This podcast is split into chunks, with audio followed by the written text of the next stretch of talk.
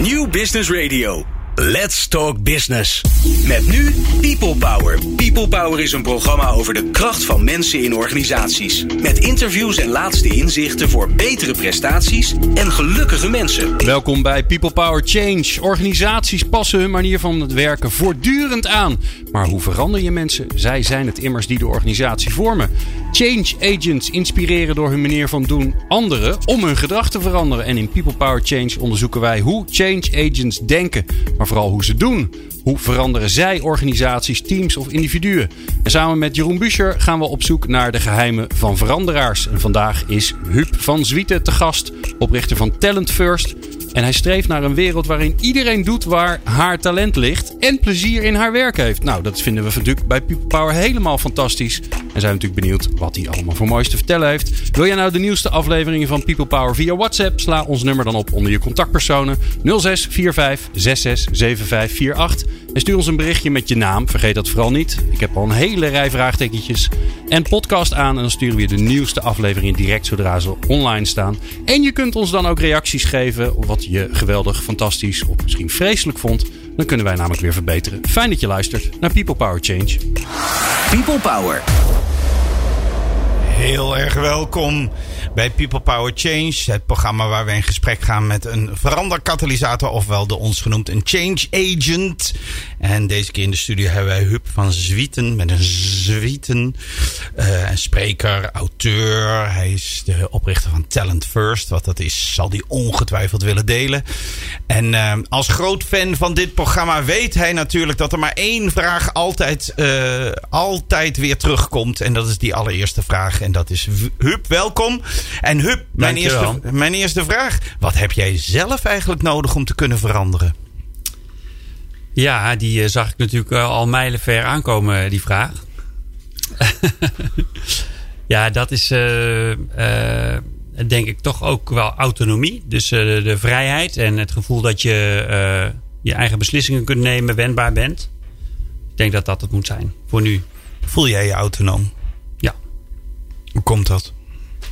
Nou ja, als ondernemer heb ik uh, natuurlijk de mogelijkheid om gewoon mijn eigen beslissingen te nemen. En dat vind ik wel heel lekker. En dat is ook wel uh, iets waar ik continu naar streef. Dus gewoon uh, wel dat je je eigen koers kunt bepalen. En ook dingen kunt proberen. En als die dan niet lukken, dat je wendbaar bent om ook snel weer dingen aan te kunnen passen. In de, in de wervingsteksten rond jouzelf staat 365 jaar, dagen per jaar vakantie. ja, zou ook mooi En 365 dagen per jaar werken. Omdat ja. het verschil er niet is. Waarom is dat voor jou zo cruciaal? Nou, ik denk dat het een, een misvatting is dat als je aan het werken bent en dan heel erg naar je vakantie uitkijkt. En veel mensen doen dat. Dus die, die leven echt naar hun vakantie toe. Zelfs zo dat op het moment dat ze terugkomen van vakantie dat ze weer een nieuwe vakantie boeken om weer iets te hebben om naar uit te kijken. Nou, dat is volgens mij een teken van dat je eigenlijk het verkeerde werk aan het doen bent. Wat ik denk dat het mogelijk is en ook een streven moet zijn om werk te hebben waar je ook naar uitkijkt. Dus dat je op je vakantie zelfs naar je werk uitkijkt. Niet omdat uh, die vakantie dan zo'n drama is of dat je met de verkeerde persoon op vakantie bent gegaan, maar uh, dat die twee dingen eigenlijk in je leven met elkaar moeten kunnen wedijveren. Dat ze gewoon allebei leuk zijn. Ik, ja, heb zelf heel veel lol in mijn werk en uh, dat gun ik iedereen. En volgens mij kan dat ook voor iedereen uh, realiteit zijn. En in, in lijn daarbij, waarom heet je organisatie, het lijkt een inkoppertje, Talent First dan? Nou, die naam heb ik twintig jaar geleden zo'n beetje bedacht, 18 jaar geleden. En uh, dat in de eerste fase van mijn, van mijn bedrijf was het een omgekeerd werving- en selectiebureau. Dus ik werkte destijds bij Randstad. Uh, in Rome op dat moment. En ik ontdekte eigenlijk dat in de traditionele arbeidsmarktbemiddeling. Um, dat de mens eigenlijk niet. Ja, die is toch een beetje stopverf om de gaten te vullen bij de bedrijven. En zo, wordt, zo, zijn die businessmodellen ook. Um, dus wij zijn toen begonnen met een omgekeerd werving- en selectieconcept. Uh, niet zoeken voor bedrijven naar mensen, maar voor mensen naar bedrijven. En nou, toen hebben we Talent First genoemd om uh, ja, dat we het belangrijk vinden dat iedereen inziet dat hij iets bijzonders te bieden heeft. En we helpen mensen om dat uh, te vinden. Uiteindelijk doen we die werving en selectie niet meer, maar hebben dat na een aantal jaar omgebouwd naar trainings, trainingsbedrijf. Eigenlijk om mensen zelf in staat te stellen om goed te snappen wat de baan is die bij jou past. En nou ja, Talent First, het begint bij de mensen. Het begint bij het inzicht dat je talenten hebt en dat die voor iedereen anders zijn. Um, Dat, dat, dat heeft erin geresulteerd onder meer dat je, dat je, dat je een theatervoorstelling nu maakt. Uh, eigenlijk doe je heel veel dingen tegelijk. Zie jij, we gaan direct over die theatervoorstelling. Zie jij jezelf als een veranderaar? Ben jij een change agent in de spiegel? Nou, ik hoorde het je net zeggen en toen dacht ik van, oh ja, dat, zo kan je er ook naar kijken. Maar ik, nou, ik vind het eigenlijk wel een mooie term, want ik probeer absoluut een verandering teweeg te brengen. Dus ik probeer mensen op een andere manier te laten kijken. Dat is misschien wel het belangrijkste, want daar start het volgens mij allemaal. Op het moment dat jij denkt dat werken sowieso uh, niet leuk is en dat uh, het gros van de mensen denkt zo, dat werken een soort uh, hinderlijke onderbreking van het weekend is. En dat je. Ja, ja, de, de, week is weer door midden, hoor je dan. Ja, precies. Oh, Zaagmans. Hè? Zaagmans op woensdag. Ja, ja, dat is een feestmoment. En, maar sowieso op vrijdagmiddag is natuurlijk in het hele land breekt er een soort uh, Koninginnedagachtige sfeer uit. Want ja, dan mogen we weer even twee dagen niet werken. Nou, ja, dat is natuurlijk een heel raar iets. Maar dus is ik... dat nog steeds zo heftig? Want ja, ik ben het helemaal wel. met je eens hoor, dat het heel verdrietig is. Maar ik heb wel het idee dat dat gelukkig steeds meer mensen enigszins doen wat ze leuk vinden. Ja, dat, dat, uh, ik zie zeker in de jaren dat we nu dit aan het doen zijn. Ik zei het al, zo'n 18 jaar zie ik absoluut veranderingen. Maar ik kom er ook op heel veel plekken waar dit, dit nog totaal. als, je dit, uh, als je dit deelt met mensen, dat ze aan te kijken alsof ze water zien branden. Want, uh, dus het ligt ook een beetje aan in wat voor ehm, omgeving je verkeert, denk ik. Of je, of je ziet dat veel mensen hier naar streven, of dat er ja, er zijn ook hele volkstammen die, uh, die, die, doen gewoon hun werk. En die halen schouder uh, ophalend zitten ze hun dagen te vullen. Omdat ze ook het idee hebben dat ze geen keuze hebben. Dat dat het gewoon is. Dus dat is toch ook nog wel uh, heel wijd verspreid hoor. En de opmerkelijke keuze om in, in, in je reis uiteindelijk ook een theatervoorstelling te maken die je nu speelt. Ja. Waarom die vorm? Ja, en, en grappig dat je dat zegt. Een theatervoorstelling, theatervoorstelling die je speelt ik merk dat het ehm, door het zo te noemen theatervoorstelling gaan mensen ook denken dat het dat is natuurlijk. Vrij logisch. Maar het is eigenlijk meer een soort combinatie tussen een interactief eh, seminar en entertainment. Dus ik ben niet echt uh, als acteur allerlei dingen aan het spelen. Maar ja, die vorm. Uh, ik zoek eigenlijk steeds naar allerlei vormen om hiermee bezig te zijn. Dus ik heb een aantal boeken gemaakt. En dit is weer een nieuwe vorm die ik een aantal jaar geleden ben begonnen. En ja, ik vind het gewoon leuk, want het is ook een luchtig thema wat mij betreft. En daar past het wel bij. Dus ik vind het ook leuk om mensen op een luchtige manier hiermee uh, aan het denken te zetten. Dus um, ja, een theater met muziek. En uh, ik heb zelf ook nog een beetje gezongen. Uh, nou ja, dus ook gewoon leuk. Ja, het moet ook een beetje leuk zijn, toch? Als ik zelf uitgenodigd word voor een, bij een klant om een dag te vorm te geven of whatever. is altijd vaste vraag van mij. Om, om vijf uur loop je naar buiten. En dan, uh, dan, dan hoor jij twee mensen voor je wat tegen elkaar zeggen. Wat wil je tegen ze, dat ze tegen elkaar zeggen na afloop? Wanneer was het voor jou effectief? Na die theatervoorstelling. En als dat, ja. en als dat bij jou nou, hè, ja, ik, maar, goed, hoe je het ook noemt. Maar in ieder geval na wat ik dan voor die klant maak. Um, als, als ze bij jou naar buiten lopen, wat is dan het grootst mogelijke compliment wat ze tegen elkaar zeggen? Nou, ik vind het heel fijn als mensen uh, inzichten krijgen. Dus als ze zeggen tegen elkaar van... Goh, zo had ik het eigenlijk nog nooit bekeken. En uh, daar zit toch wel heel wat in. En nu uh, zie ik ineens de ruimte om ook in actie te komen.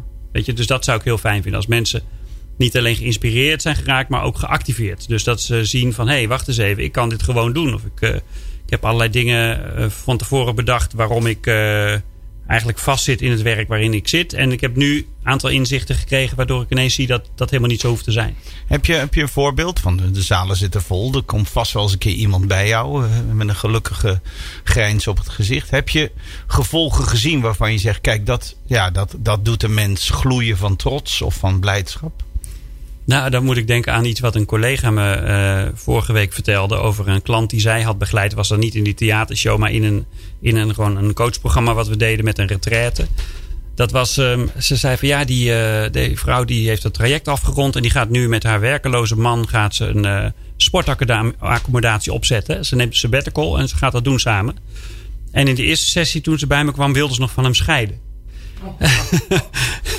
dus toen dacht ik inderdaad van wauw, weet je, daar hebben we echt uh, iemand heel erg geholpen. Want dat is natuurlijk een mega, uh, mega change. Dus uh, ja, dat, is niet, dat was, mijn collega krijgt daarvoor alle credits overigens. En in, die, in, dat, in dat vinden wat je mooi vindt en vinden wat je belangrijk vindt en wat je ligt, dus dat talent en tegelijkertijd de lol. Hè, want dat valt ga ik heel erg achter je staan. Ben ik heel erg met je eens. Hoe cruciaal leuk is. Omdat leuk geeft, geeft, toewijding en geeft enthousiasme. En geeft, dan ben je niet afgeleid, want dat wil je graag. Ja, precies. Dus een cruciale factor in alles, zeg maar. Hoewel mensen het plat proberen te maken. Hoe, hoe ben jij, eh, de, hoe heb jij dat hoe is dat bij jou gegaan? Hoe ben jij tot die vrijheid uiteindelijk gekomen? Is dat een moment? Is dat een langzame ontwikkeling? Is dat bij jou een katalysator bij wie je in de zaal zat? Ja, uh, Marines Knopen, daar zat ik ooit mee in de zaal. Uh, toen werkte ik nog bij Randstad. En uh, hij vertelde het verhaal van zijn boek Creatiespiraal. Um, en daarin had hij een citaat van Goethe. En dat, dat is me altijd bijgebleven. Dat citaat is... je wensen zijn een voorgevoel van dat wat je daadwerkelijk kunt bereiken.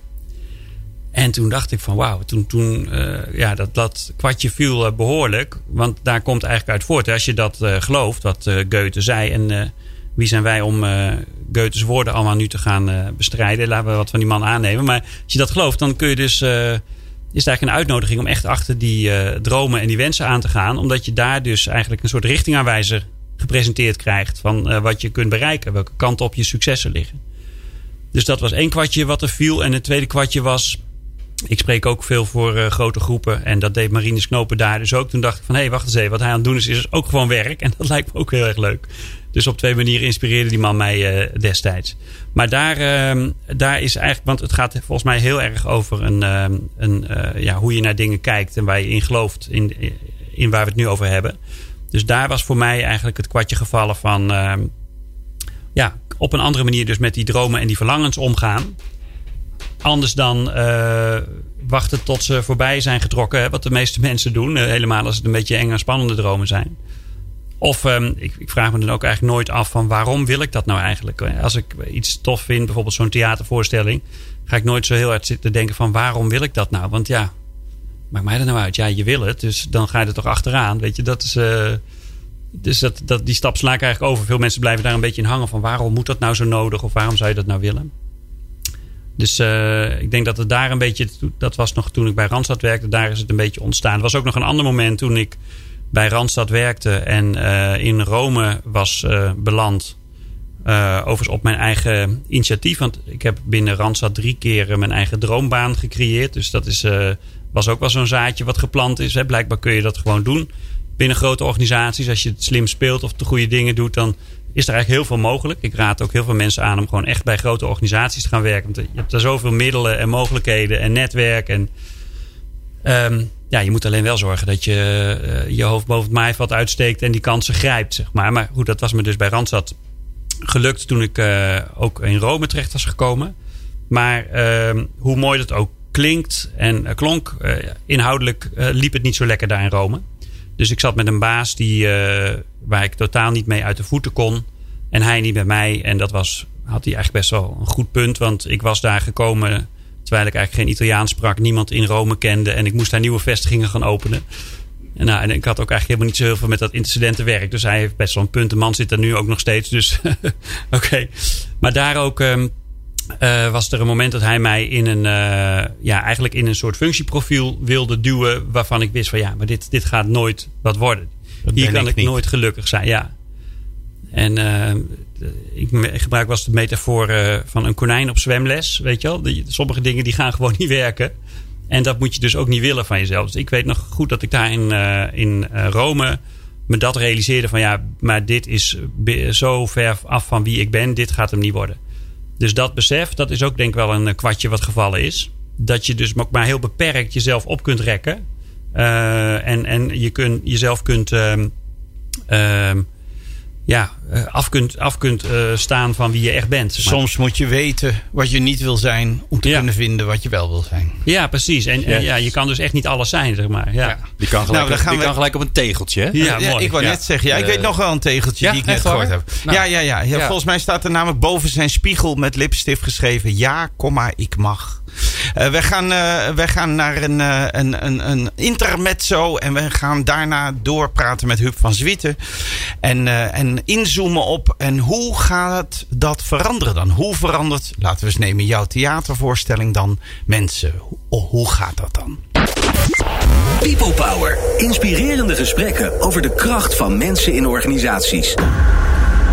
En wat geweldig dat je wederom bij het knappend haardvuur onder genot van ongetwijfeld een heerlijk drankje met je pantoffeltjes aan zitten ze lekker met ons meeluistert in deze al reeds langzaam donkerkleurende avondzon die ons brengt bij Huub van Zwieten bij People Power Change en wij onderzoeken hoe kan je katalyseren op veranderen.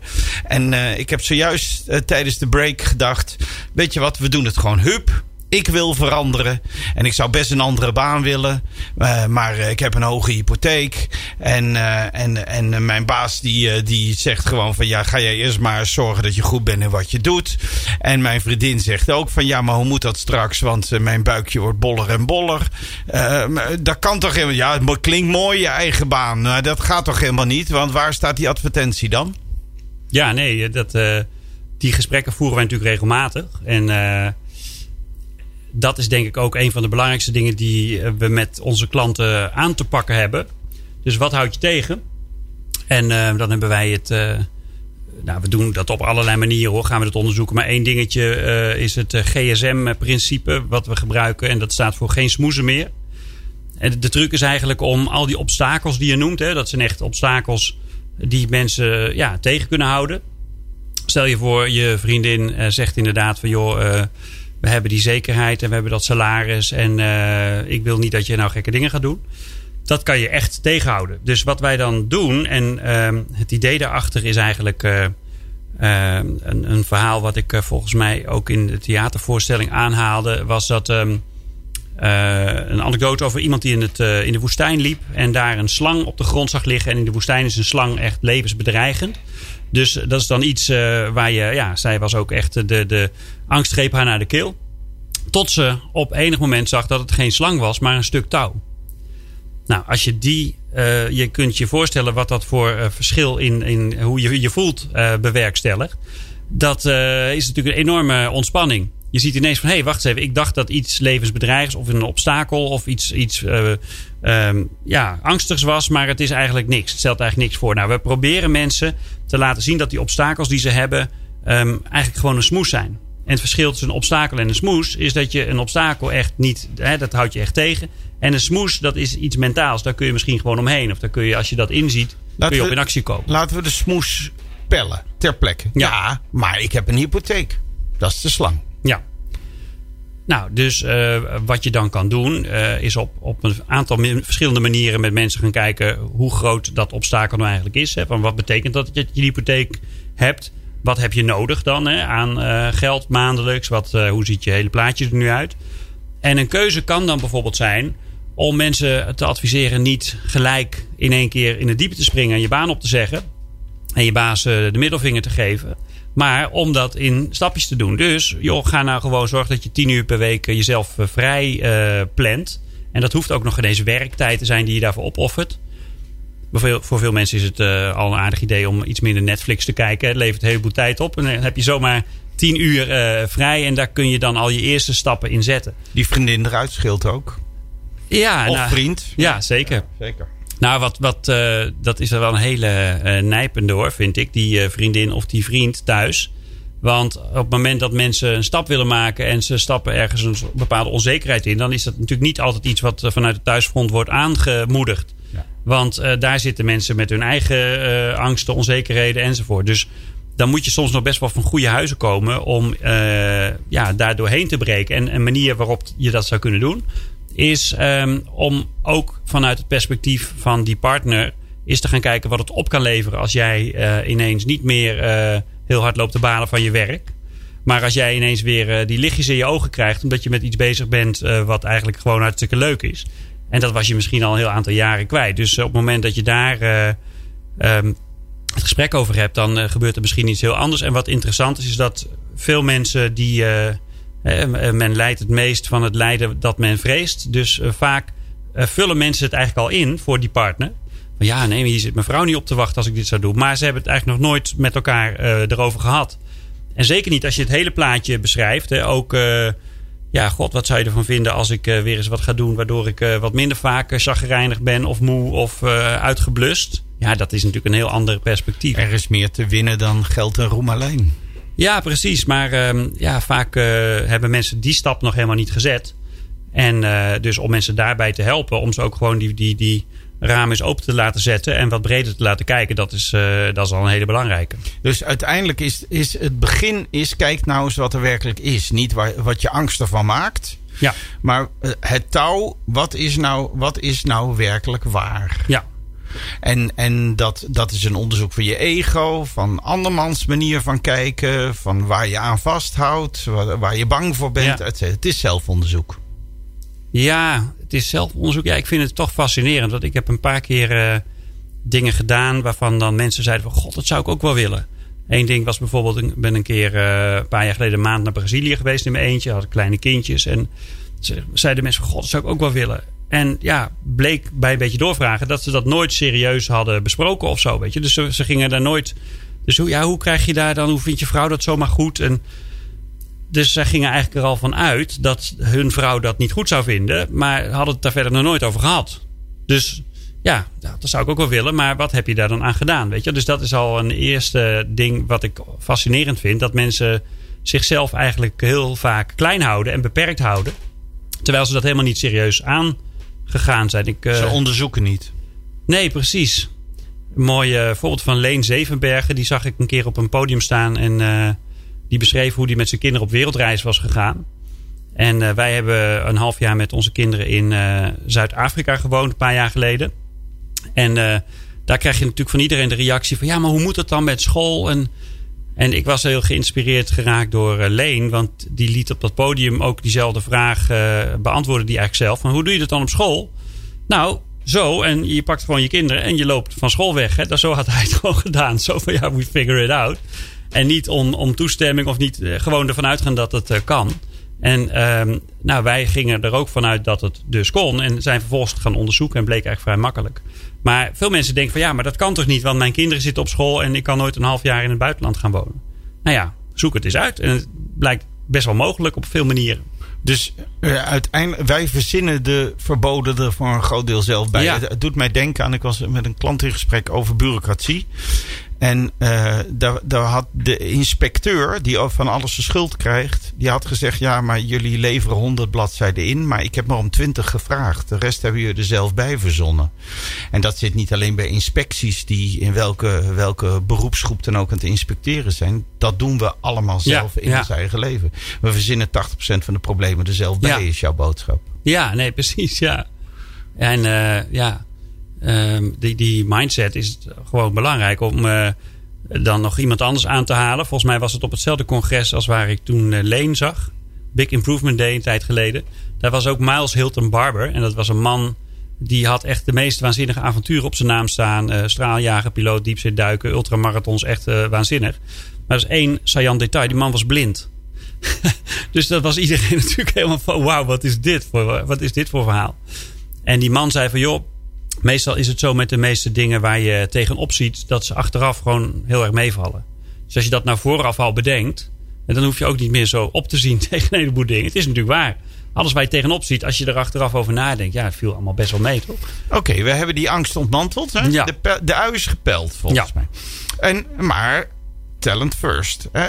Maar wat kan ik dan eigenlijk? Hè? Ja. Dus het leek me wel leuk. Het grappige is dat ik... We hadden ooit een stagiaire, laat ik zelf ook een kleine anekdote vertellen.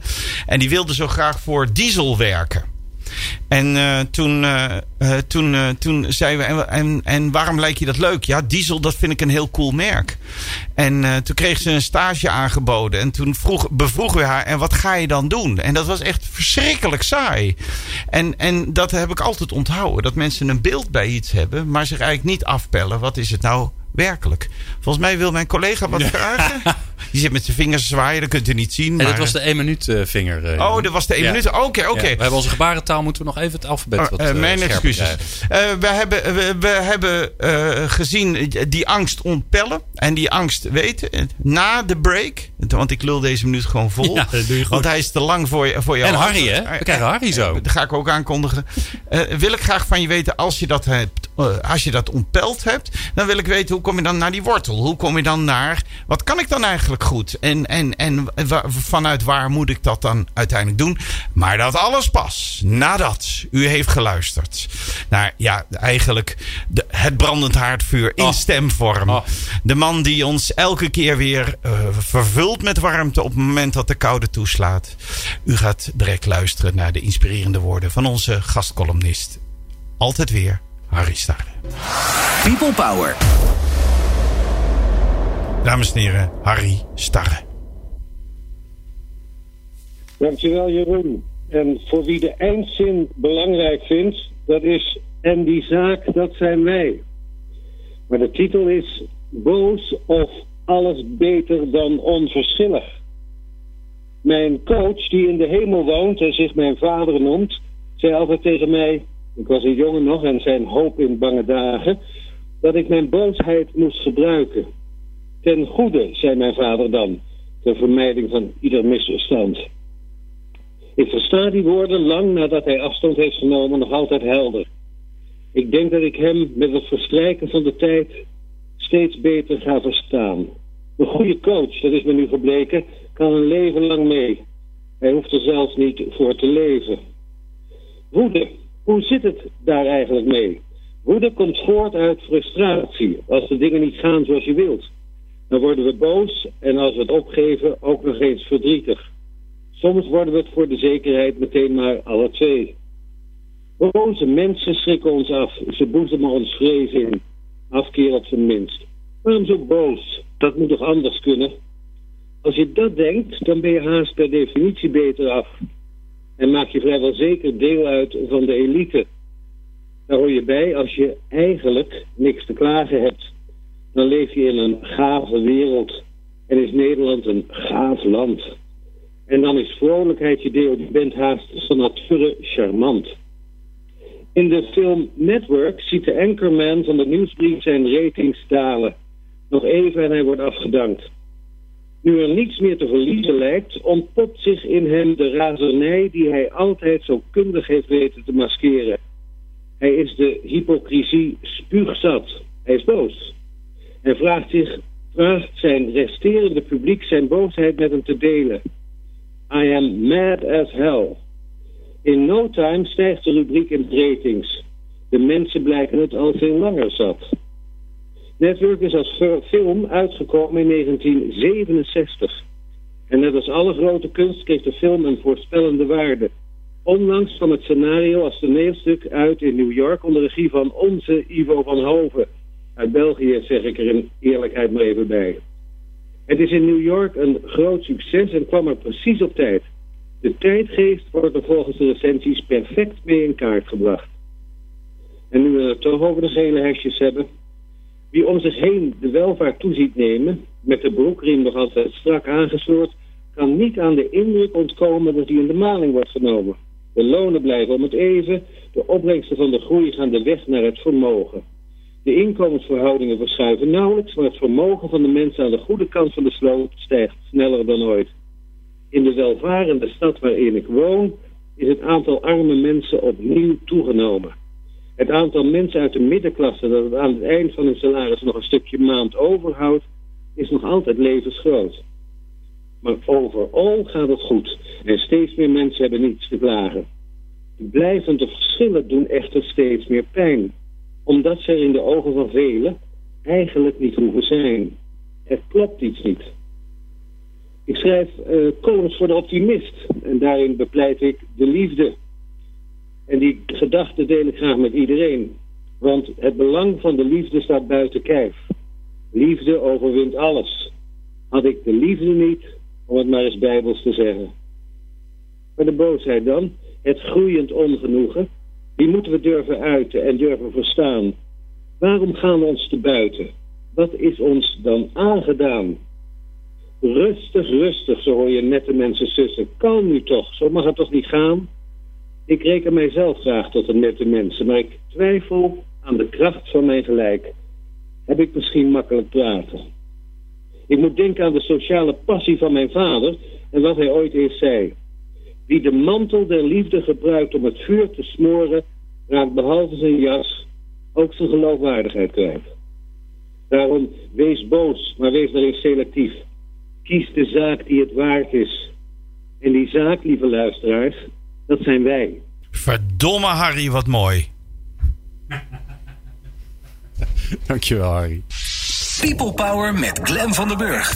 Meer luisteren? people-power.nl Jeroen Buscher. Jeroen Buscher natuurlijk, ja. Ja, Daar is de, de, de- Jeroen Buscher, eh, welkom. Eh Glenn van den Burg hoorde je zojuist. En waar het hier vandaag om gaat is niet om die twee eigenwijze pedante mannetjes. Maar het gaat hier vanmiddag over Huub van Zwieten. Een change katalysator weet hij sinds vanmiddag.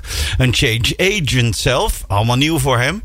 Eh, we hebben in het eerste stuk, eh, naar aanleiding eigenlijk van wat hij in zijn laatste theaterstuk had het niet zo moeten noemen. Zijn theatershow, eh, theaterlezing, theatertraining hebben we het al genoemd. Maar in ieder geval zijn bijeenkomst in een grote ruimte met veel mensen die hij nu organiseert. Ehm, hebben, we, eh, hebben we gekeken wat, wat, hoe, hoe verander je, hoe katalyseer je op persoonlijke verandering. En we hebben de ui van de angst, zeg ik, ontpeld. Maar goed, en dan gaat het over hè, wat kan ik nou eigenlijk goed en wat moet ik dan eigenlijk doen? Want dat weten we. Want we doen toch ook een beetje wat papa dacht dat we wel zouden moeten doen. En Ja. we doen toch ook omdat wij dachten dat de spiegel ons vertelde dat wij eigenlijk waren. Maar dan vergissen we ons weer. Hoe kom je nou achter wat je kan en wat je wil?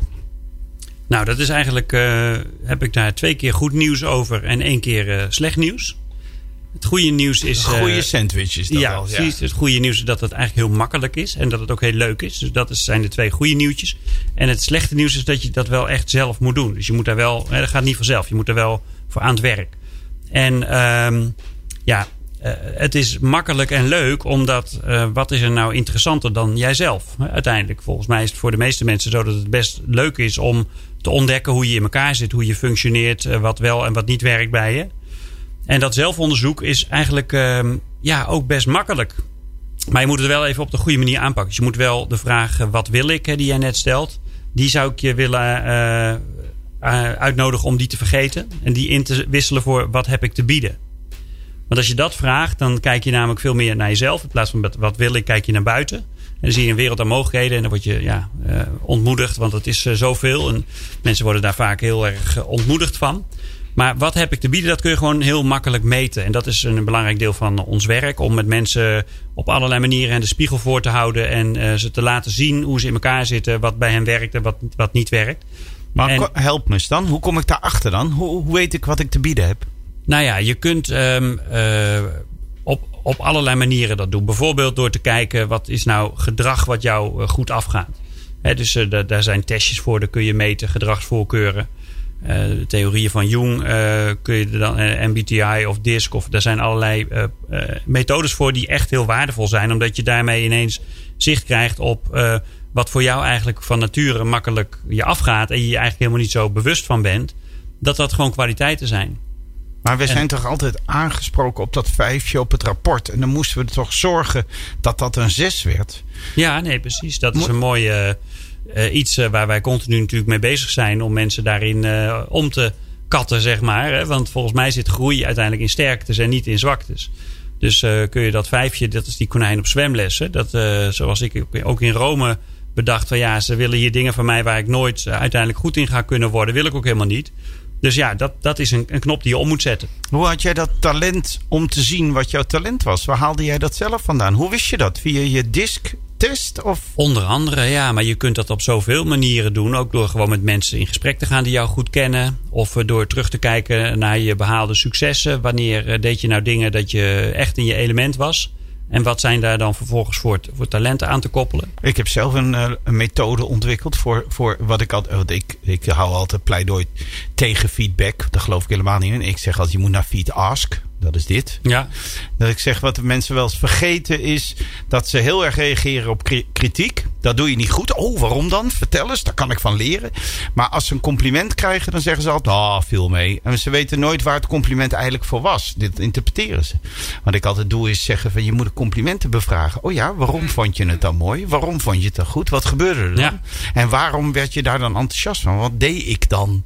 Waardoor Ja. jij dat ervaarde. Want dat is super interessant. ja, daar creëer je waarde. Precies wat jij zegt. Ja, en, en complimenten zijn inderdaad een hele leuk als je van meerdere mensen vergelijkbare complimenten krijgt, dan kun je ervan uitgaan dat, dat, dat er een kern van waarheid in zit. Zeker relevantie zitten. Ja. Ik moet ook nog denken aan een, een situatie. Wij hebben ooit allebei bij Pentascope in de buurt gewerkt. En wij deden daar op een gegeven moment een sessie.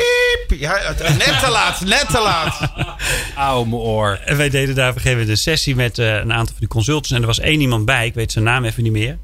Maar uh, dit gaat erover om te ontdekken dat je dingen in huis hebt die van waarde zijn, die je zelf eigenlijk helemaal niet realiseert. Deze man, die was consultant, maar die deed in zijn vrije tijd uh, deed die inkoop en verkoop van allerhande zaken. Had een grote loods achter zijn huis, chockvol met meuk. En dat kocht hij in, verkocht hij, vond dat was zijn hobby, daar verdiende hij een beetje geld mee. En ehm, toen uh, zeiden zijn collega's van... joh, maar dan ben jij dus ook hartstikke goed in gewoon handelen. En uh, veel beter dan wij. Dus misschien moet jij dan die contractonderhandelingen uh, ook doen. En toen zei hij de memorabele woorden... Hoezo? Doen jullie dat dan niet? Dat je in de winkel gaat afdingen op stofzuigerzakken en zo. Doe je dat dat deed natuurlijk helemaal niemand. Maar hij, dacht dat dat normaal was, dat hij deed het zijn hele leven al. Dus je kunt daar ook blind voor zijn. Hè? Omdat je zelf gewoon je hele leven al oploopt met, met al die kwaliteiten waar je mee, uh, mee loopt. En ja, het kunnen dus in dit soort dingen zitten. Vinden mensen het misschien ook een beetje eng om te weten wat ze eigenlijk goed kunnen? Nou, die ervaring heb ik niet. Nee, ik, ik merk dat we eigenlijk op alle niveaus mensen heel makkelijk hierbij kunnen helpen. Dat, uh, dat het ook vaak heel verlichtend is voor mensen. Omdat het ook gewoon over hele simpele alledaagse dingen gaat. Hè? Dus uh, bijvoorbeeld dit. Als jij ziet van nou, wat, wat deze man ontdekte. Van hij was goed in onderhandelen en, en handelen, inkoop, verkoop. Ja, dat is voor hem zo normaal dat het ook niet bedreigend is. Dus ik, ik heb niet die ervaring dat mensen daarvan van weg willen blijven of zo. Ze zien het alleen niet. En Huub, jij, uh, uh, het verhaal wat jij nu vertelt, dat horen we gelukkig steeds vaker. Het is tegenwoordig niet meer raar om het in een organisatie te hebben over, goh, laten we nou naar de sterktes kijken ja, in plaats van naar de zwaktes. Ja. Maar dat was het twintig jaar geleden toen jij begon. Want jij bent er al echt lang mee bezig. Toen was het nog wel raar. Nee, dat klopt. Ik ben, uh, wat dat betreft heb ik echt van een, tijds, uh, een tijdsgeest zien veranderen. Ja. En wat zie jij nu, wat zie jij nu gebeuren? Wat, wat, en hoe zorg je, misschien de vraag daarachter nog. Dus wat zie je gebeuren? En, en daarnaast ook, en wat doe je dan zelf om weer de volgende stap te zetten? Nou, twee, ik, twee, vragen, Glenn. Ja, sorry, dat mocht jij ik, niet doen. Ik zie um, dat gebeuren dat dat steeds wijder verspreid is. Hè. Uh, ja, je kan eigenlijk jezelf als organisatie bijna niet meer serieus nemen als je ook niet persoonlijk ontwikkelingsbudget voor je medewerkers hebt. Dat is eigenlijk heel gewoon inmiddels. Dat was tien jaar geleden echt niet zo gewoon.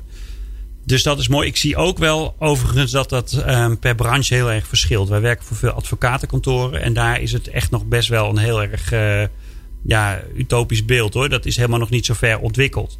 Maar wat zij daar wel zien is dat die jonge gasten die nu uh, aanstormend talent zijn, die kijken naar boven naar die partners en die zeggen van nou dat ga ik in ieder geval niet doen, weet je wel? Dus die, ja, die ja. hebben daar helemaal, uh, die, die, hebben niet meer dat oude idee van uh, we moeten het op dezelfde manier gaan doen. Dus ze moeten daar echt ja, ze moeten zichzelf daar ook echt opnieuw uitvinden. Zijn ze ook allemaal druk mee bezig. Die leven echt nog in het paradigma van het lijden. Hè? Eerst het ja, lijden ja. en dan later ga je oogsten.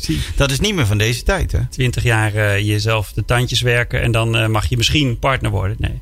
Nou, ik geloof eerlijk gezegd, en, en dat is uh, waar ik voor sta, dat, dat er een tijd komt dat we terugkijken op deze tijd waarin we ons eigenlijk kapot schamen. Omdat we nu op heel veel plekken laten we mensen natuurlijk gewoon, gewoon uh, net zo hard werken tot ze omvallen. En dat vinden we nog normaal ook. En bedrijven komen daarmee weg.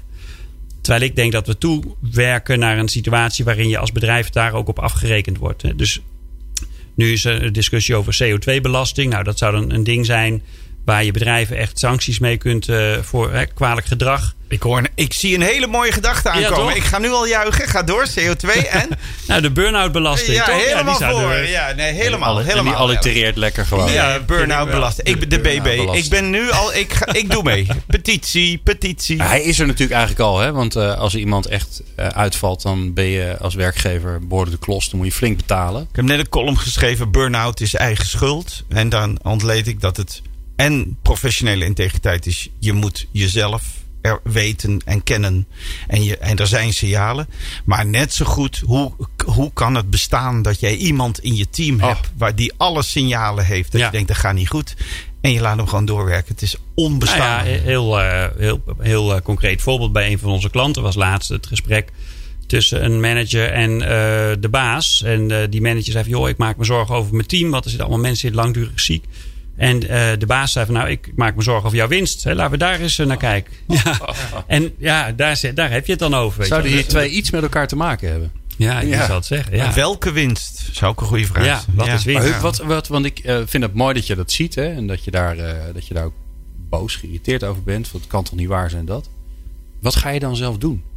Nou, dat is wel weer een mooie link naar de column van Harry. Want je moet je, je verontwaardiging en je boosheid ten goede gebruiken. Dus als je dit ziet, dat, ik heb hier echt wel een verontwaardiging over. Want, eh, dus ik, ik ja, wil met, met, eh, met bedrijven eh, in gesprek om ze daar ook echt bij te helpen. Om ook het gesprek te hebben van wat voor werkgever wil je zijn? Hè? Wat voor partij wil je zijn? Ik geloof dat je als werknemer en werkgever met elkaar het doel moet hebben om het goed te hebben met elkaar als hoogste doel. Dus wat je ook verkoopt of maakt of produceert.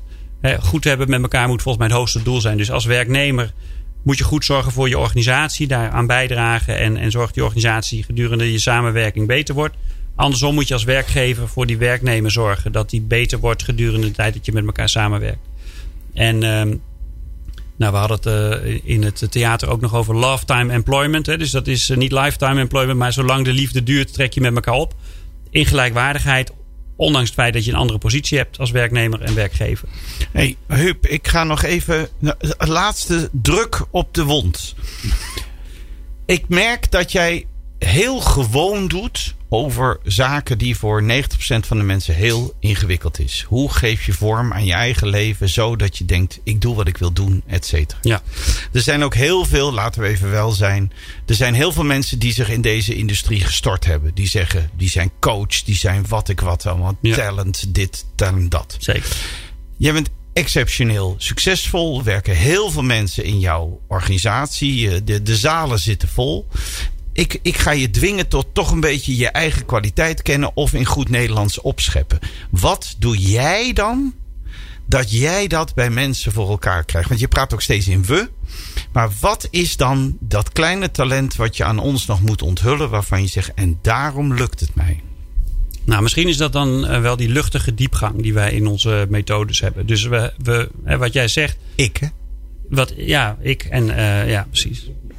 Ja, maar goed, de mensen, me die met mij, Ik- de mensen die met mij werken, die, da- daar spreekt dat voor aan. Dus, eh, dus we werken dan daarin ook samen. Maar die luchtige diepgang is voor mij een. eh, ja, ik geloof daarin dat dat de route is om mensen te bereiken.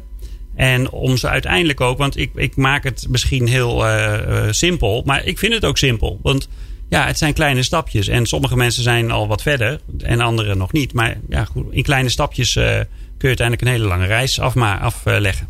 En als het niet simpel was, kon niemand het doen. En als het niet luchtig was, kunnen we niet ademen, toch? Precies.